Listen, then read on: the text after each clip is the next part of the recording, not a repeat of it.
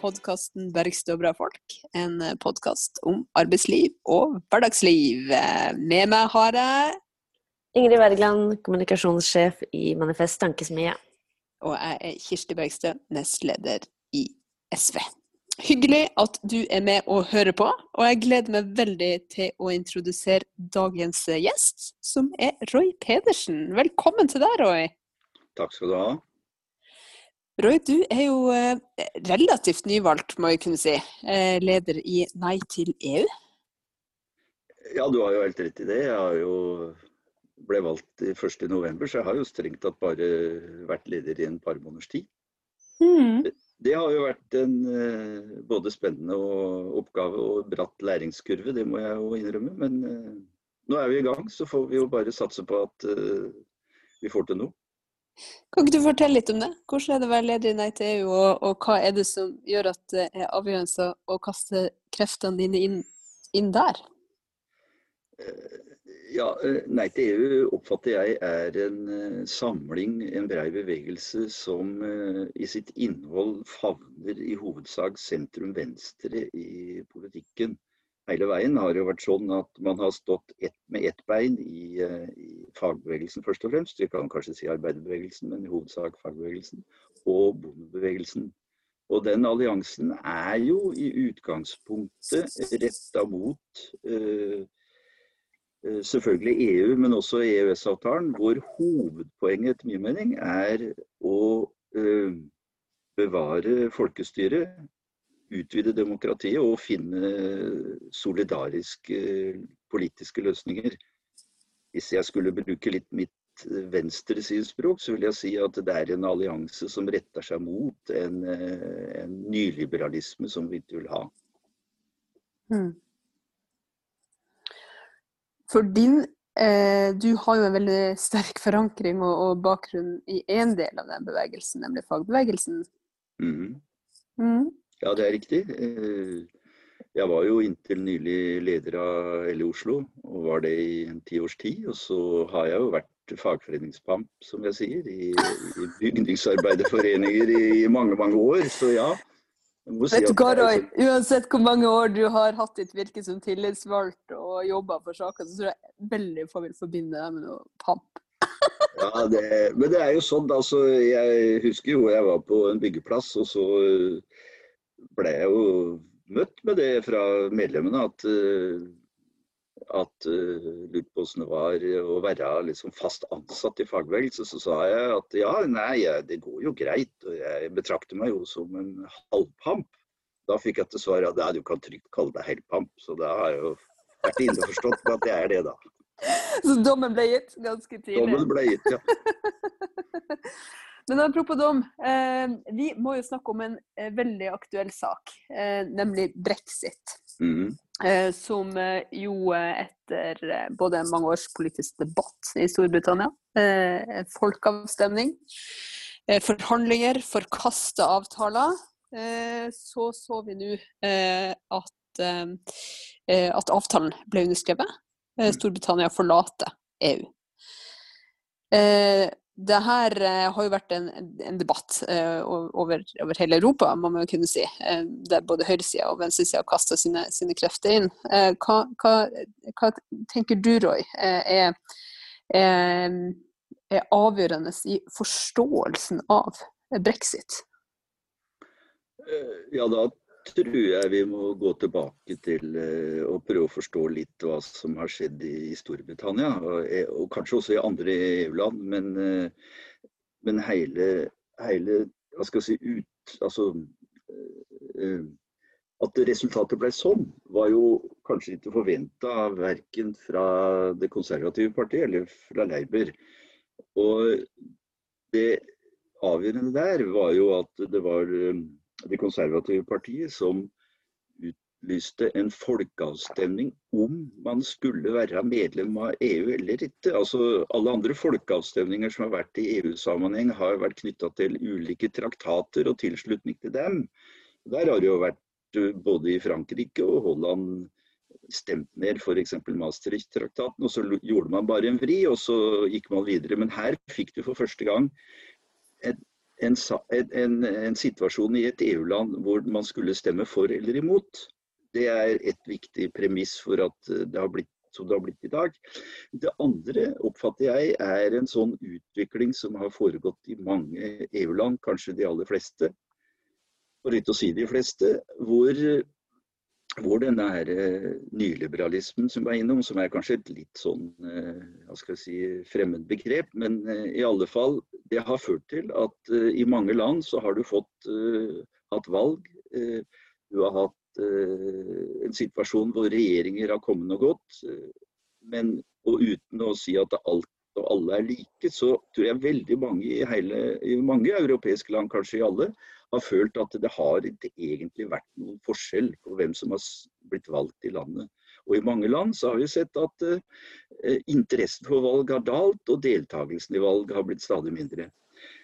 Når da dette med avstemninga om britisk medlemskap ble satt på dagsorden, så skapte det en ganske stor bevegelse i Storbritannia på eh, både høyresida og på venstresida. Jeg tror for veldig mange så opp for folk at for første gang på lenge så kunne deres stemme bety noe. Det var viktig å stemme ved et valg. Og da eh, gjorde den mobiliseringa til at eh, man fikk altså et, eh, et nei til EU, som sånn stemmeantallmessig ligner jo litt på de nei-flertallene vi har hatt i Norge i de to folkeavstemningene vi har hatt. da. Det var jo litt bakgrunnen for hvorfor ting går som det går i, i EU-land så kan man kanskje si at uh, i den prosessen som har fulgt uh, avstemningsresultatet, så har det jo, har det vært veldig mye, veldig mye, støy.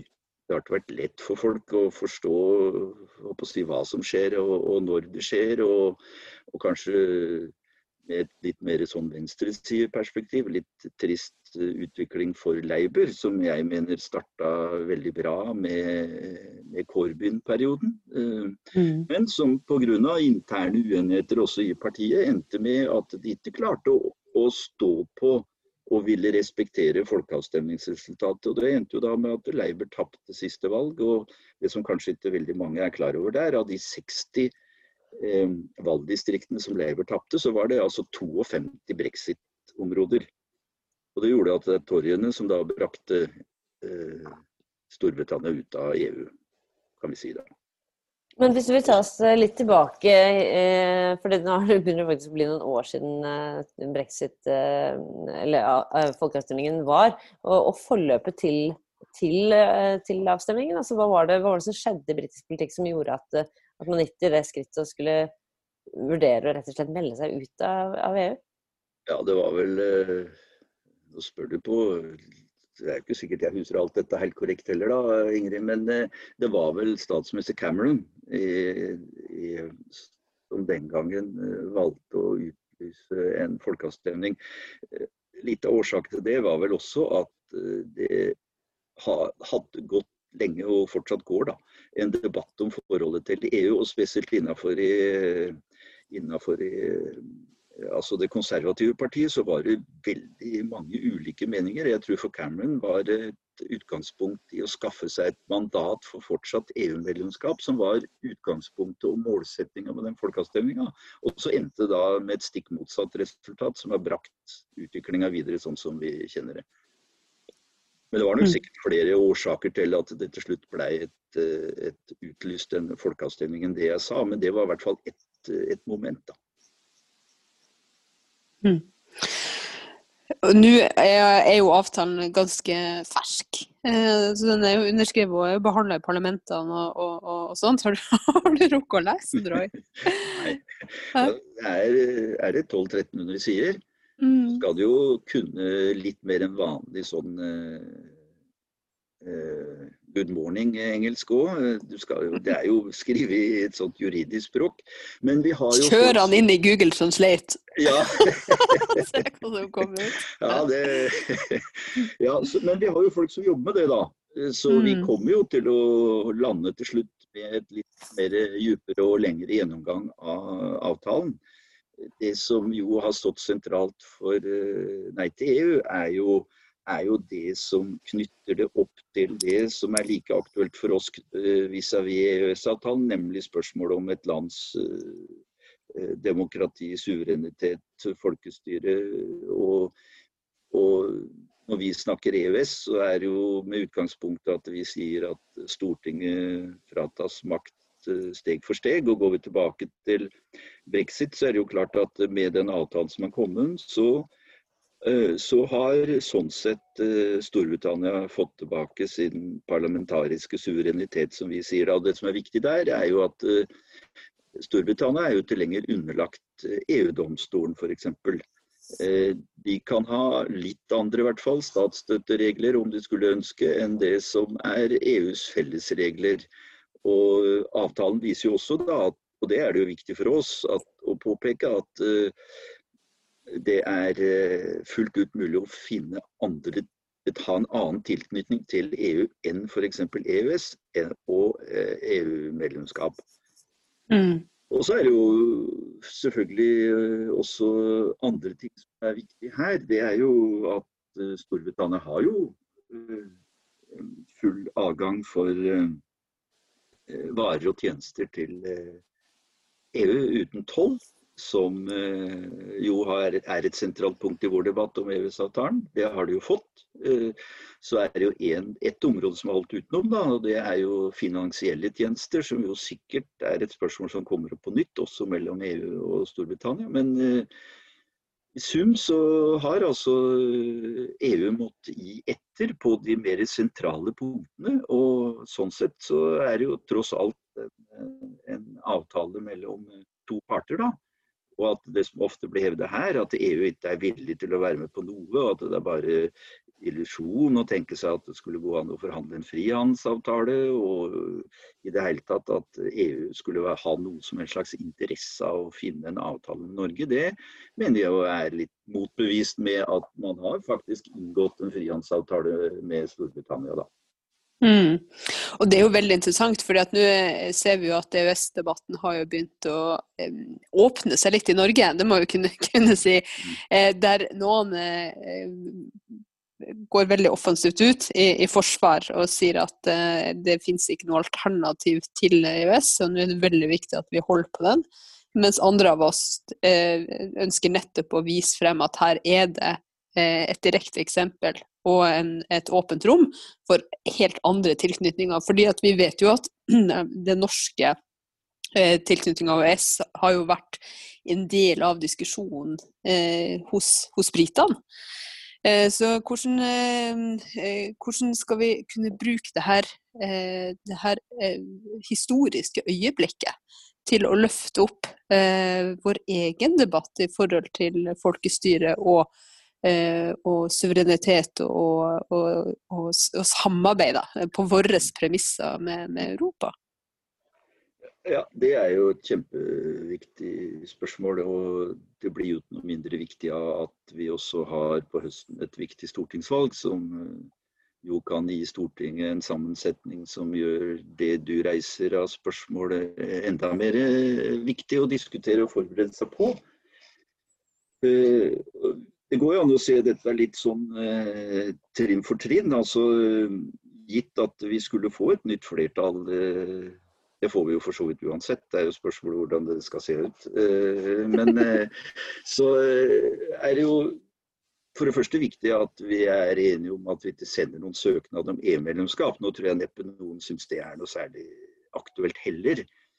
Det andre er at vi bør jo starte et sted på denne debatten om alternativer og kanskje finne fram til et litt mer sånn eh, et litt mer eh, helhetlig eller litt mer sånn eh, premiss å diskutere ut ifra. Så et sånn viktig krav som vi har holdt fram, da, det er jo faktisk Fellesforbundets landsmøtevedtak om at det er viktig nå at vi får en offentlig utredning om hva er egentlig frihandelsavtale som et alternativ.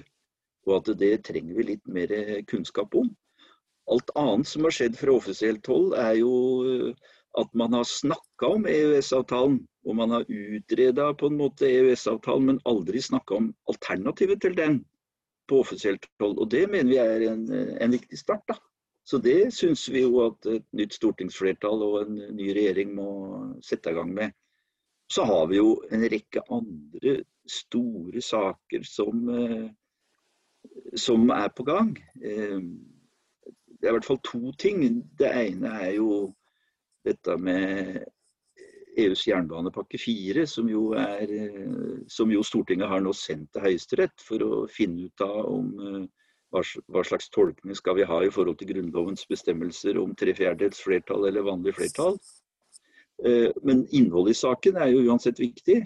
Eh, det er jo et spørsmål om eh, skal egentlig EU eller ESA, overvåkningsorganet for at vi følger EØS-avtalen til evig tid nærmest, bestemme at jernbanen skal være konkurranseutsatt. Og Det andre store spørsmålet er jo energipolitikken. Hvor altså tilslutninga til eh, energibyrået ACER og denne berømmelige energipakke 3 har jo skapt en helt ny situasjon for å ha nasjonal kontroll med vannkrafta, og vil jo da skjerpe seg ytterligere hvis vi skulle godta energipakke 4, som er godtatt i EU, men som ikke er behandla i Norge ennå. Og, eh, der er det jo igjen sånn at eh, uh, både på det første spørsmålet om jernbanepakka, så har jo begge de to forbundene som organiserer jernbanefolk, sagt nei.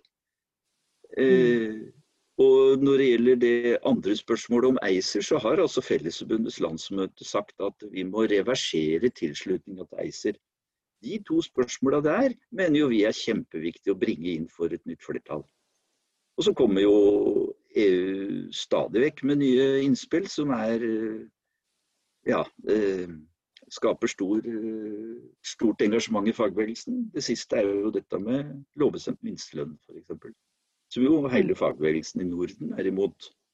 Ikke fordi at folk skal ha en, ha en viktig lavlønnsgaranti, men fordi at det bryter med den modellen vi har valgt, om at det er partene som bestemmer lønn. Og fordi at en lovbestemt minstelønn ville jo blitt en langt lavere lønn enn f.eks. Eh, eh, det som er utgangspunktet med at det er eh, minstelønnssatsa i tariffavtalene som bestemmer eh, lønna der hvor den er såkalt allmenngjort. Mm. Så det er mange spørsmål vi kan bringe inn i denne debatten, tenker jeg, som det, er, som det er viktig at vi gjør konkret. da. Men denne med lovbestemt minstelønn, eh, er det vedtatt i EU, eller hva var det du sa med det? Nei, der har EU-kommisjonen kommet med et forslag ja. om lovbestemt minstelønn. Eh, det er jo et litt diffust forslag, fordi de sier at landet eh, bør gjennomføre et system med lovbestemt minstelønn. Mm. Eh, og der er det jo sånn at det blir jo bra mottatt av fagbevegelsen i si, Europa, bort fra Norden. De fleste av dem har jo lovbestemt minstelønn fra før. Jeg skulle til å si det. I Frankrike har de vel det, f.eks.? Ja da. Lusmik? Ja, Lusmik, ja. Helt riktig. Jeg husker ikke farta hva forkortelsen står for. Men det Nei, det kan ikke jeg heller. Men jeg er stolt av å kunne denne delen. Salær minimum et eller annet. Eh, men poenget er, eh, når det med lovbestemt minstelønn har økt sin eh, altså tilslutning i europeisk fagbevegelse, så oppfatter jeg det som et uttrykk for at man har tapt terreng. Mm. Altså, europeisk fagbevegelse er litt sånn grovt sett halvert siden 1980-tallet. Og desto svakere du blir, desto mer ønsker du å finne en eller annen form sånn at folk skal i det minste ha en lønn som ikke betyr fattigdom. Og mm. det har gjort at de har støtta kravet om lovbestemt minstelønn. Så jeg oppfatter mer at når de gjør det, så er det et uttrykk for styrkeforhold i arbeidslivet. Når nordisk fagbevegelse har utgangspunktet at det er tariffavtalene som skal være utgangspunkt for lønn, så er det fordi at det, tross alt så er tariffavtalene ganske bestemmende fortsatt for lønnsnivå, som f.eks. i Norge. Og med det systemet med allmenngjøring, som ikke er perfekt, men som er det beste vi har, så betyr jo det at i de bransjene hvor det er gjennomført, så er det igjen tariffavtalens minstelønnssatser som uh, bestemmer lønna. Hvis vi går til byggebransjen, da, så betyr jo det at i år, hvor alle fikk et generelt uh, tillegg på 50 øre, så fikk de som gikk på allmenngjort minstelønn, en lønnsøkning på 6 kroner. De aller fleste, i hvert fall den minstelønnssatsen som er mest brukt i norsk allmenngjøring, gikk opp 6 kroner. Eller går opp, da, gitt at det blir resultatet når nemnda som skal avgjøre dette, innstiller eller godtar det. Men det regner jeg med at de gjør. Og Det er jo et mm. bevis for at det systemet sånn sett er et bedre system enn en lovbestemt minstelønn. Og så har jeg prøvd da, for å prøve å, å illustrere litt hva, og, finne ut av hva betyr egentlig en lovbestemt minstelønn i, i Norge. Hva, hvor, hvor, ville den ligge?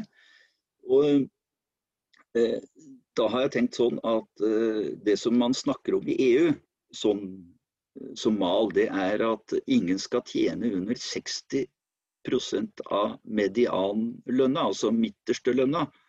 Ikke akkurat det samme som gjennomsnitt, men den midterste lønna. Og Hvis jeg prøver meg på et regnestykke der, så lander jeg med litt uh, forbehold da, at jeg har klart å regne riktig uh, på ei lovbestemt minstelønn i Norge, 60% av medianinntekten på 158 kroner timen. Og Skulle vi igjen gått tilbake til det som er den mest allmenngjort brukte allmenngjorte lønna for byggebransjen, så ville det ligge bare i lønn per time 46 kroner og 50 øre under. Mm. Og Da skjønner vi problemet ved lovbestemt minstelønn kontra allmenngjøring. Og så er det jo ikke avklart heller hva som skal skje eh, hvis man innførte sånn, eh, et sånt forslag i Norge. Skal da, skal da den lovbestemte lønna egentlig være, være være den som styrer, eller har eh, en allmenngjort lønn forrang, som det heter. Det er jo et svært spørsmål. Så, mm. så det er forståelig at uh, topp og bånd i fagbevegelsen i Norden er imot lovbestemt minstelønn, men strengt tatt er det det retta mot europeisk fagbevegelse. Det er bare fordi at vi har et litt annet styrkeforhold. Hvis han er mm. veldig pessimist, så kan han si 'enn så lenge'. vi må jo uh, håpe at, uh, at det går går rette veien. At, eh, at arbeidsfolk klarer å, å eh, ja, ta, ta, vinne større makt og, og terreng gjennom organisering. Men det, det viser ja, vi, vi, vi, må jo gjøre vårt for at det skal skje. Men det viser jo også utfordringa med at når EU vedtar den type ting, så passer det jo ikke alltid inn i, inn i, våre systemer. Men det andre er jo at det som fremstilles som et, et gulv å stå på, i praksis blir et tak for mange. Eh, og at man ikke kommer videre enn en, den, den minstelønna. Men, men, jeg bare har lyst til å gå litt tilbake til noe ut av det du nevnte i sted i forhold til Fellesforbundet sitt landsmøte. Eh, at man både krever eh, å gå ut av ACER, energibyrå, og, og også ha en utredning om EØS-avtalen og hvilke konsekvenser det skal få for, for stortingsvalget og for et nytt flertall. For det er klart at alle vi som eh, kommer til å legge store krefter i å mobilisere for et nytt flertall til høsten, gjør jo det fordi vi ønsker ny politikk. en ny politisk kurs. Eh, og en del ut av eh, det perspektivet må jo være å ta et ordentlig oppgjør med, eh, med de ødeleggende kreftene som vi ser eh, påvirke eh, arbeidslivet i dag. Og da er jo nettopp de erfaringene som, eh, som Fellesforbundet sine medlemmer og tillitsvalgte har stått i over tid, og som har leda til eh, det landsmøtevedtaket. Eh, veldig interessant. Og jeg tenker jo at et politisk flertall og partier som vil være på lag med arbeidsfolk, og som vil fremme arbeidsfolk sine interesser, kan jo ikke stille seg likegyldig til en så klar melding og kritikk Eh, som det, eh, som det eh, Fellesforbundet kom med. Nå tenker jeg spesielt på Arbeiderpartiet. Mm. Fordi at det er jo, det er jo alvorlige, alvorlig utvikling i feil retning som ligger til grunn for at man har hatt så opprivende og slagkraftige diskusjoner rundt EØS. Så der man ser at tariffavtaler er satt til side, og en utvikling i arbeidslivet der også tillitsvalgte i større grad blir satt til side. Uh, og da er jo en, en, utfordring hvordan kan vi komme på, uh, komme på, på, på offensiven uh, i, i, forhold til, i forhold til å, å bringe frem nettopp, nettopp, det kravet. Fordi det er jo kanskje særlig utvikling innenfor den bransjen som du har tilhørt, Roy, eh, der vi ser at, at påvirkning fra, fra, EU over tid har eh, gjort at, eh, at, det har blitt et annet press eh, på arbeidslivet. Mm. Ja, du, du, drar jo opp eh, et svært scenario som du kan bruke flere podkaster på alene og, gå gjennom. Men eh, jeg tror vi må starte der, på hvor, hvor altså vi stiller spørsmålet hvilke, hvilke organisasjonsuttrykk eh, eh, Eller hva har skjedd i arbeidslivet som gjør at fagbevegelsen er svekka? er vel egentlig det viktigste. Og der er det jo greit å starte med, da, for å, for å komme riktig ut av hoppet, med å si at det er jo ikke arbeidsinnvandreren som er problemet her, men det er måten eh, arbeidslivet blir organisert på. Og det som jeg mener er en eh, betydelig svekkelse, i, og at vi har fått så mye sosial dumping og arbeidslivskriminalitet, det er jo først og fremst at eh, det blir stadig flere som ikke er fast ansatt og på heltid. Og at vi har fått framveksten av det vi kaller for bemanningsbransjen. Eh, og som har eh, på en måte undergravd tariffavtaler og, og, faglige rettigheter. Så skal vi gjøre noe med det å snu retningen som du er inne på, Kirsti, så må jo det være at vi igjen går litt og ser på eh, den eh, forverringa av arbeidsmiljøloven som eh, dagens regjering har gjort, det bør, vi, det bør vi reversere og gjerne også styrke arbeidsmiljøloven. Vi trenger det i forhold til det jeg sa om faste og hele ansatte, men også kanskje å rydde opp litt i arbeidsgiverbegrepet, fordi at det dukker opp mange andre måter å organisere arbeidsgiverforholdet på enn det vi har vært vante med. F.eks. selvstendige som jobber på samme måten som en fast ansatt, men da ikke er ansatt allikevel, som på papir. Og arbeidsgiveransvaret i utgangspunktet nesten er borte, eller er borte.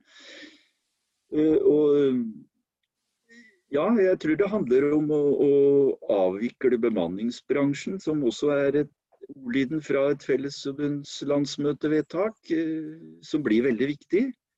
Eh, og jeg tror det er andre ting òg. Vi, vi, vi bør se på flere ting som gjør at fagbevegelsen får tilbake økt uh, makt. Jeg tror det handler om det. Det har ingen hensikt å, å snakke om noen norsk modell hvis fagbevegelsen svekkes og tariffavtalene svekkes. Det er i hvert fall en start. Det er flere andre momenter. Og Så kommer jo det svære spørsmålet som jo du egentlig må spørre meg om. Det er jo selvfølgelig hva gjør vi da med forhold til EØS og, og alt det der. Og det er klart at uh, vi ser jo nå med, med, med Wizz Air at uh, EØS-avtalen legger jo rammer som gjør det veldig vanskelig for uh, norsk fagbevegelse å, å opprettholde et, det vi kaller seriøst arbeidsliv. Og Det er jo verdt å notere opp i denne debatten at NHO Luftfart syns det er helt fint at de er her. og Hvis du ser på alle de tilknytningspunktene som kommer opp når det gjelder EØS, så er jo stort sett NHO for alle sammen. Det har vært innom både på ACER og på jernbanepakka er vi også for. Så vi er jo også i ferd med å få en arbeidsgiverforening og arbeidsgivere som ser annerledes på fagbevegelsen enn de har gjort før. Og Der etterlyser jeg nok eh, litt mer forståelse av, eh, av akkurat det. Eh, Innafor det som vi kaller en sånn nyliberalisme. Da, eh, at det også endrer arbeidsgivere og arbeidsgiverforeningenes eh, rolle og litt karakter. Vi har til og med en setning fra eh, det siste landsmøtet i Nei til EU at den norske modellen angripe oss fra toppen og undergrave oss i bånn. Og det mener jeg kort oppsummert er akkurat det som skjer. Og det må vi gjøre noe med, selvfølgelig. Nå snakker jeg nok litt utafor det som er rammene til Nei til EU, men hvis du spør meg med utgangspunkt i fagbevegelsen, så blir det sånn. Ja, men det, du var inne på i sted at du har vært leder i, i LO i Oslo, og du har eh, bakgrunn fra, som leder for Bygningsarbeiderforeningen i Oslo. Um, kan ikke du fortelle litt, uh, siden du har en lang, uh, lang fartstid i, i, fagbevegelsen, om hvordan du opplevde å jobbe faglig da vi fikk EØS-avtalen. Altså helt konkret, hvordan, hvordan endra det arbeidslivet? Eh, ja, da tenker jeg særlig kanskje på, på østutvidelsen, da. Ja. ja, det var jo en eh, Det var jo en eh, Ja, det er kanskje den bratteste læringskurven jeg har vært gjennom i, i, i hvert fall i fagbevegelseshistoria mi. Det, eh, det starta jo, som du sier, med østutvidelsen, som, altså EUs utvidelse østover til å omfatte østeuropeiske, sentraleuropeiske land, hvis det går an å kalle det det.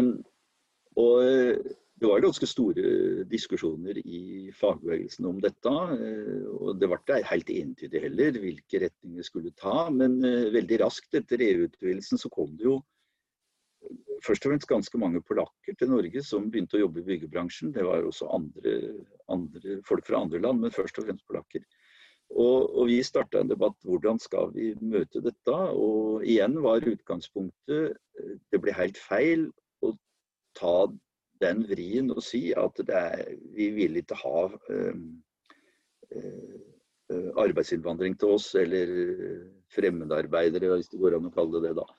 Så da ble jo spørsmålet ja, hva skal vi gjøre med dette? Og da gikk vi litt tilbake og så litt i historiebøkene våre. Så hva hadde man gjort for 100 år siden i forhold til å, å, å løse den utfordringa med tilstrømning av arbeidskraft, eh, sosial dumping, underbying underbygging av tariffavtale, krise osv. Og, det var to ting som eh, egentlig vi landa på. Det ene var eh, ingen skal jobbe under tariffen. Som var det for 100 år siden, og sånn ble det nå. Ingen det var jo utrolig mye svensker på begynnelsen av 1900-tallet. Ja, ja, men det var jo også samme parole den gang. Ingen skal jobbe under tariffen. Eh, og så Det andre var at eh, hvordan skal vi få til det? Jo, da må vi selvfølgelig starte med å prøve å organisere folk, som det også var for 100 år siden. Og det var sånn at eh, fagbevegelsen vant fram, med litt andre rammer selvfølgelig. Og, og, og det endte da med at vi la ned mye arbeid i å, å organisere folk. Vi oversatte massevis av, til masse språk. Eh, hvilke rettigheter eh, utenlandske arbeidere hadde i Norge. Og det som var det interessante der, da, med det utgangspunktet vi tok, det var at på forsida hadde vi på ja, Det ble kanskje etter hvert 15-20 språk på et lite hefte som folk kunne ha i skjortelomma. Og på forsida så sto det 'velkommen' på alle språk. Mm. Og det var jo interessant å høre fra kanskje polakker, da, siden det var eh, flest derfra vi traff på, at eh, det hadde de aldri hørt før. Det var ingen arbeidsgivere som hadde sagt, det var ingen myndigheter som hadde sagt heller. Det var bare fra fagbevegelsen eller fra Oslo bygningsarbeiderforening den gangen da, at de hadde hørt og sett at noen sa det. Og Det var jo en bra start. Men det er jo klart, eh, vi brukte mye ressurser. Vi ansatte folk eh, som kunne polsk, og sånn er det fortsatt i, i foreninga. Eh, og vi lykkes med å organisere i hvert fall såpass mange at det var mulig å tegne tariffavtale, som f.eks. i firmaet Adecco, som er jo et leiefirma. Og det som kanskje var det aller viktigste etter hvert, det var at vi starta den kampen for å allmenngjøre tariffavtalen. For da, Det var jo igjen tilbake til utgangspunktet. Hvordan skal du sikre at folk ikke jobber under tariffen? Jo, det er selvfølgelig å si at da, skal, da må tariffavtalen gjelde for alle innenfor den bransjen når det gjelder minstelønn, og ingen under den. Og derav det kravet om allmenngjøring. Det er ikke ideelt, men det er i hvert fall et utgangspunkt som er, er langt bedre om du ikke skulle hatt den muligheten, da. Men det, en, det var en svær jobb, og det er fortsatt en svær jobb. Ja, fordi det er jo fint å trekke historiske linjer, og det er mye, kanskje mye som er likt. Men det er klart at jeg uh, vil jo se for meg at uh, Det var nok noen utfordringer for 100 år siden nå, men svensk, svensk, og norsk er jo ikke sånn kjempeforskjellig. Og svenskene hadde jo allerede en del eh, kultur for organisering fra, fra Sverige. altså Der er det jo Eh, altså det er litt andre utfordringer med, med folk fra øst, tidligere østblokkland, hvor, hvor fagforeninger kanskje blir sett på som ja, tett knyttet til statsapparatet, overvåkning Altså ja, jeg vet ikke hva vi vil si om det? Jo, det er jo et poeng. Samtidig så skal du heller ikke glemme at de, altså når den tilstrømning fra, av de folka vi her snakker om, så skjedde jo det rundt 25 år etter murens fall. Så mye av det som var historia, var kanskje ikke så veldig eh, hva skal jeg si, det som fulgte med de folka som kom hit. Eh, jeg tror nok det er en erfaring at eh, når f.eks. det polske og baltiske og andre lands arbeidskraft fikk møte norsk virkelighet, så eh, var det jo sånn at når vi eh, hadde fått til det med allmenngjøring av tariffavtaler, så var det jo også for dem et spørsmål hvor kan vi gå for å sikre oss den lønna som vi har krav på. Det var bare ett sted å gå, det var fagforeninga. Sånn at eh, jeg hadde følt at den historia som de har med seg, har, har vært veldig avgjørende for ja, Som var et stengsel for å få dem organisert. Men det var, det var kanskje et moment. Det er jo Av helt andre grunner så er det jo også folk fra andre land som ikke vil organisere seg. Så det er jo strengt tatt ikke noe nytt. Men at det kanskje var et moment, ja, vi skal ikke se bort fra det.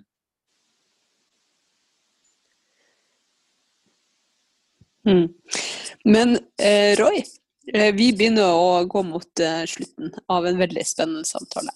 Eh, og før vi kommer inn på det som er vår faste spørsmål i denne poden, så må jeg nesten spørre deg. Eh, fordi i og med at du er leder i Nei til EU, eh, og vi ikke ser en sånn veldig sånn Det er ikke sånn at et nytt, en ny EU-kamp står på trappene. Eh, hvorfor er det likevel viktig å være organisert i Nei til EU å være, melde seg der? Og hvis man tenker at det er et spennende sted, hvordan kan man gjøre det? Ja, eh, for å ta begrunnelsen først, da. Eh, ja, jeg tenker at Nei til EU er viktig av, av minst to grunner. Det ene er at Norge blir stående utafor et EU-medlemskap. Eh, Jeg mener Uansett hvordan du snur og vender på det, så har det vist seg å være en fordel for Norge. Eh, så er det sånn at alle de EØS-spørsmåla som dukker opp, og alle de eh, konkrete sakene som det lages bevegelse mot, eh, de har jo så langt og grovt sett endt med at eh, de likevel har blitt vedtatt. Altså EU-direktivet har gått gjennom i Stortinget.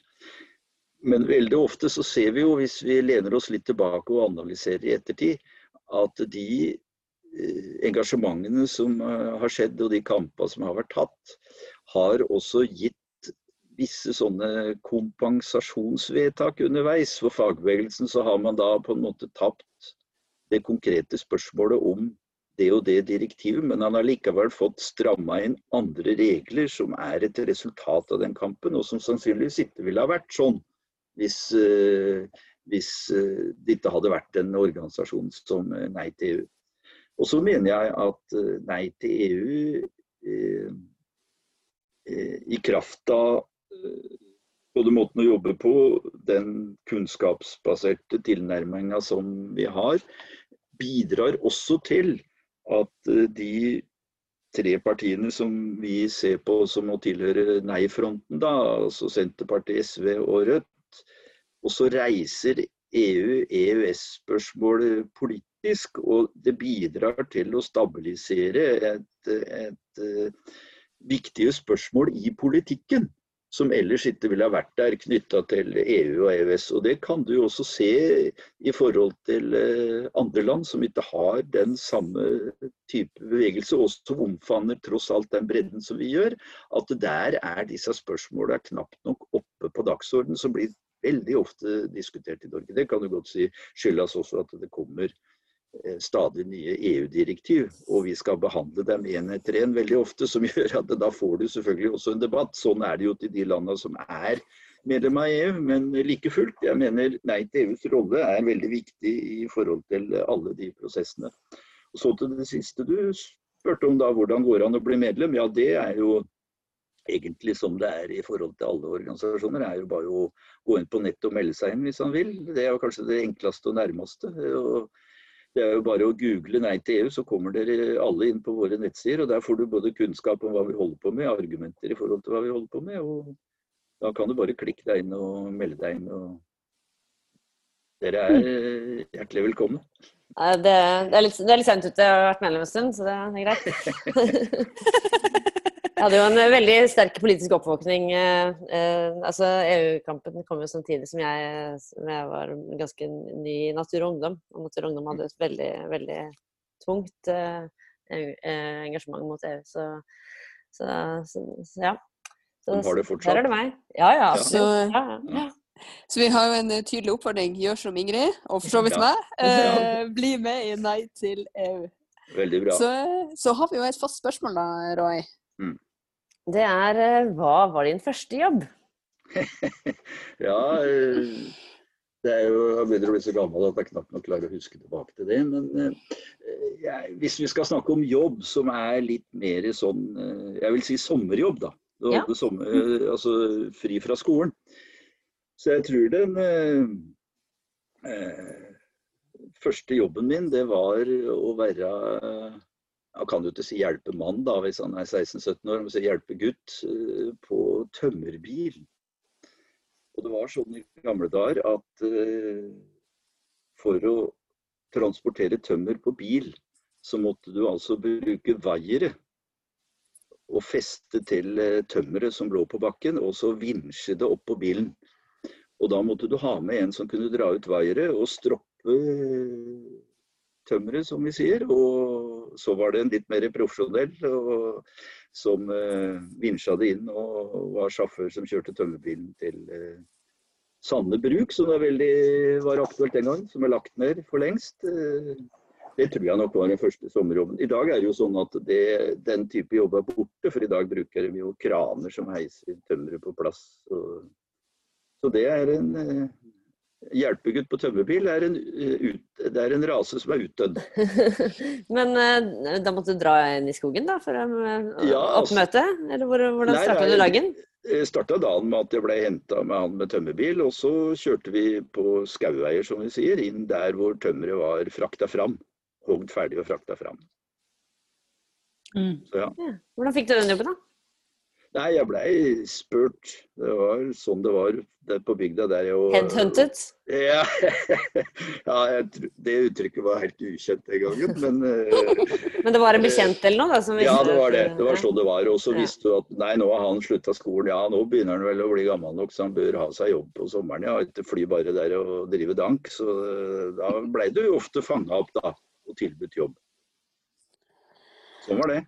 Det er jo en, det er jo en Vi må si en epoke som er borte. Mm. Kan jo legge til der at eh, jeg kan ikke huske at det var noen i min oppvekst som noen gang tenkte på at man som voksen aldri skulle ha noe jobb. Det var, helt, det var ingen som bekymra seg over det i det hele tatt. Og alle, tror jeg nesten jeg må si i ettertid, og fikk jobb. Så det var en det var en sosialdemokratisk storhetstid av det da i, i, norsk politikk som jeg egentlig fikk min første jobb under. Mm. Kan du slenge inn at du er født i, i 1952, sånn at du er jo, du har jo ja, hatt din tidlige ungdomstid i, i, i virkelig en, en, sterk vekstperiode også, da. Ja. Mm. Eh, kan jo også du sier du kan slenge inn, og har jo slengt det inn, men eh, hvis det er, sånne, hvis det er sånne innslengingsrunder her som eh, jo kan føre oss litt tilbake til at ringen er slutta, så var jo også min eh, første store politiske engasjement var jo kampen mot EEC, da, men det var jo 1972. Men det var faktisk det, og jeg var aktiv den gangen òg i folkebevegelsen mot EEC. så Ringen er vel slutta da med at jeg nå til slutt har havna som leder av Nei til EU. Mm. Så det var din, din, første store politiske oppvåkning og, og, og kamp? Ja. ja, det var det. Og mm. det er, jo, det er jo kanskje litt spesielt. Husk på, jeg er vokst opp på et lite sted som heter Komnes. Det ligger ved Hvittingfoss. Og 1. mai i 1972 så var det altså sånn som det pleier å være hvert år, at man samarbeida om eh, taler som skulle snakke da, først på Kongsberg normalt, og så på Hvittingfoss etterpå. Og Det året så var det altså sånn at jeg hadde påtatt meg å, å holde 1. mai-appell. Og det var nok eh, på det stedet den, en lokal 1. mai-appell som noen kanskje hadde hørt om på flere tiår. Så på den gamle kinosalen i Hvittingfoss så var det da fullpakka sal, og folk sto langs vegga for å høre på denne her eh, oppkomlingen som skulle snakke 1. mai. Og når jeg var ferdig, så gikk jo uh, mange ut, for de var jo spesielt opptatt av den som skulle være dagens uh, hovedtaler. Og, så det endte da med at Lars Skytøen, den gangen leder av Norsk Jern og Metall, eller i hvert fall blei han det seinere, så var det da, han fikk snakke til uh, to tredjedels sal, mens jeg hadde fullpakka sal. Så det var jo en uh, tenker over det etterpå, så var jo det en veldig hyggelig start, da. Herlig. Ringen er slutta, sier du, Roy. Ring of fire, sier jeg. Tusen takk for at du var med oss. Takk til deg som hørte på. Husk å melde deg inn i Nei til EU. Ha en herlig dag videre. Sjøl takk, og ha det godt. ha det bra.